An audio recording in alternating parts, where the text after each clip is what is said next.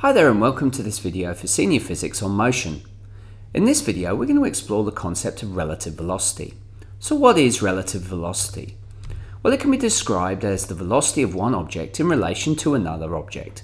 The velocity of that object may appear to be different depending on where it happens to be measured from.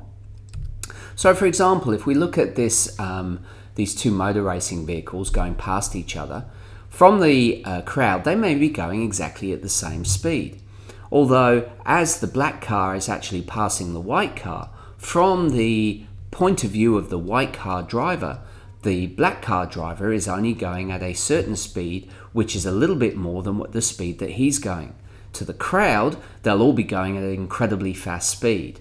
To the white car driver, he may only be going at a slightly increased speed, maybe 20 kilometers per hour, slightly faster as he passes him.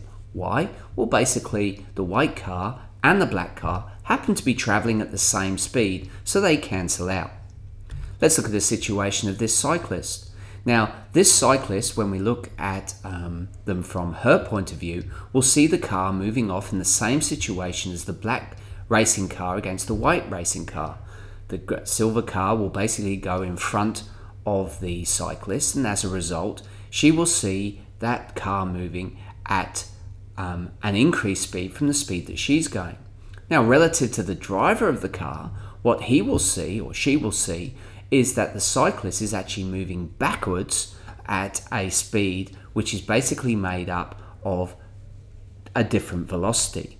So you can see that if you look out of a car window and you look at a tree passing you, that tree is passing you at the speed that you're traveling at, but in the opposite direction if you happen to have a car which is um, overtaking you or is on the, in the same um, at the same speed as you and level with you, it's as though the two cars are not moving at all.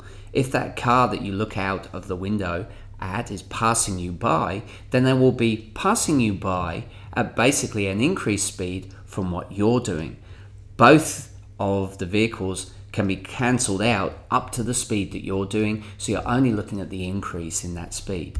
Now, trains can be a, a good example depending on the proximity of where you are. And we're going to be using the train um, scenario in this uh, video to try and explain um, looking at relative velocity in one dimension and then relative velocity in two dimensions. Okay, so let's have a look at our, our train scenario. So here we have our train carriage and basically, what we're going to do is we're going to put a basketball in there. Um, the basketball is going to be sitting on the platform, on the uh, floor of the train, and it's going to be stationary. Now, the thing is, and what we want to know is, we're going to look at it from an observer from outside. Now, what we're trying to work on is the idea that the observer can imagine that the ball is sitting stationary. It's almost as if we've cut the uh, carriage in half so they can see the ball. Now, obviously, if the train is moving, then relative to the train, the ball is stationary. Why? Well, the ball and the train are moving in the same direction at the same speed. So as a result, their two speeds cancel out. So relative to the train, the ball is not going anywhere. It's staying in exactly the same position. However, when observed from outside, the observer will see the train and the ball moving in the same direction and at the same speed, hence the same velocity.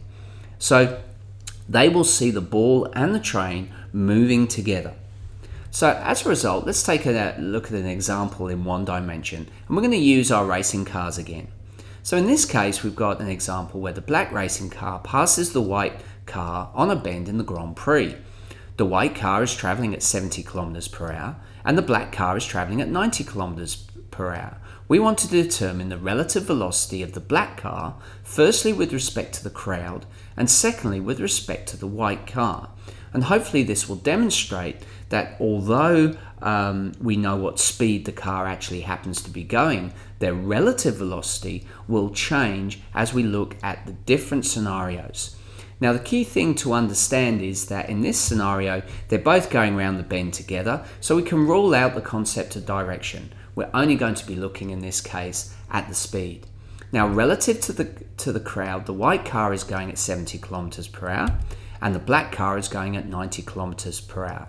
Our question asks us what um, is the relative velocity of the black car with respect to the crowd?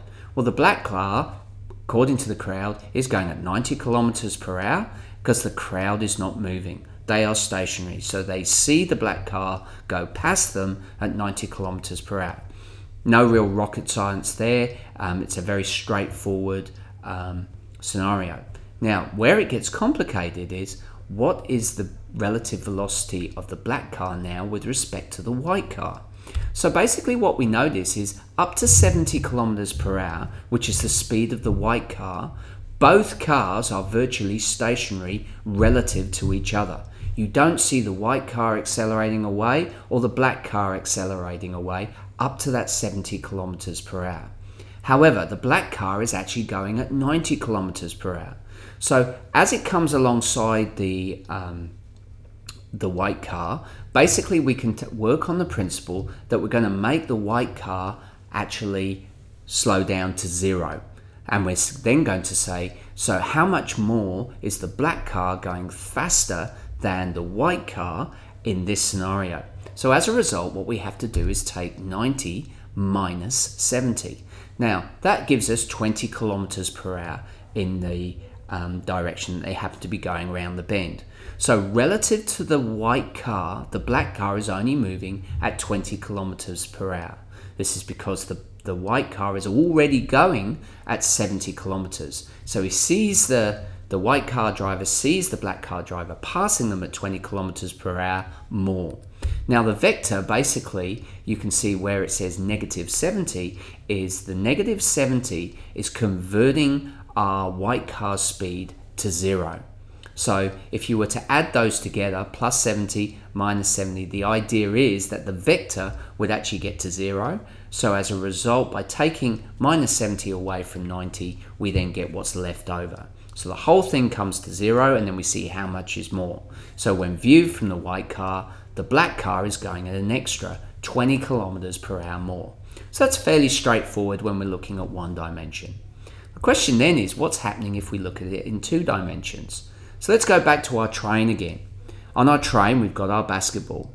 We're going to have our observer from the outside who is able to see the motion of the basketball in the train. Now, the train is moving. Now, in this scenario, what's going to happen is the person holding the basketball is going to throw the basketball directly up into the air. And we want to know what is the observer going to see? Relative to the observer, what is going to happen to that basketball?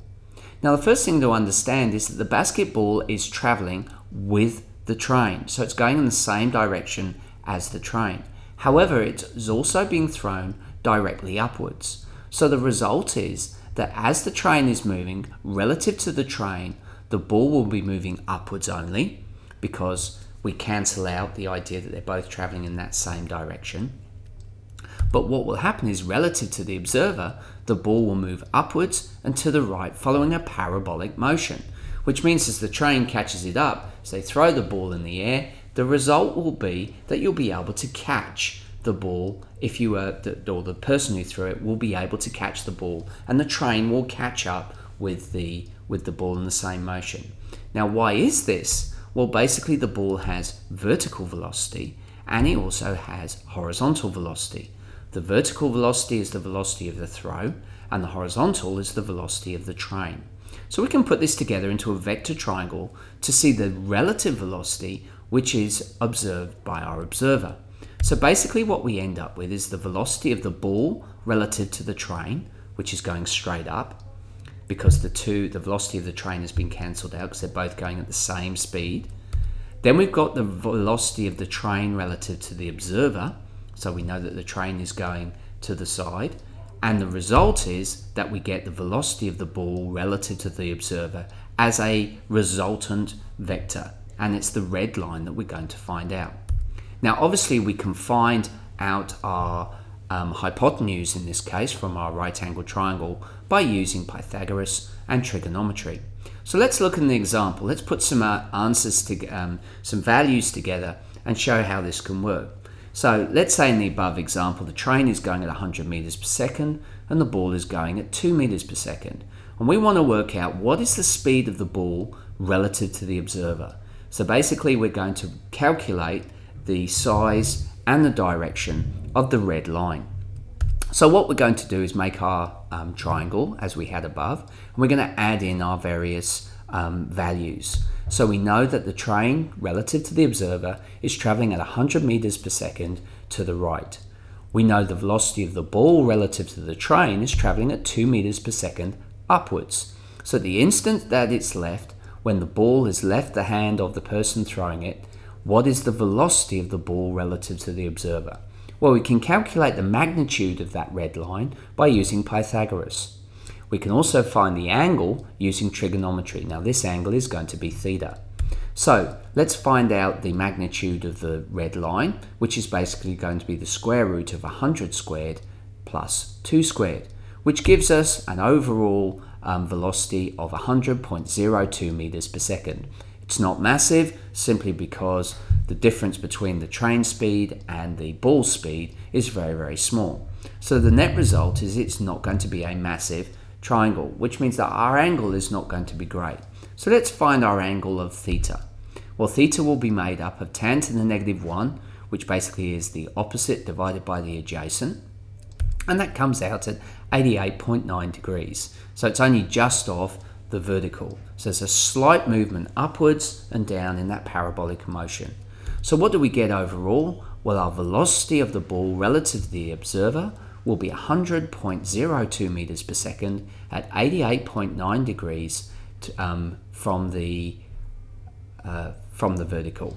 So as a result, it's going to be moving very very shallowly in the uh, in, in that trajectory.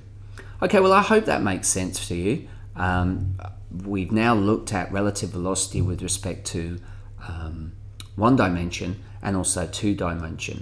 Now, what I've also done is produce some exemplary videos to give you some more examples of how you solve a one dimension question and a two dimension. And then also in this post, I have uh, put some a worksheet of some relative velocities that you can go through and actually practice.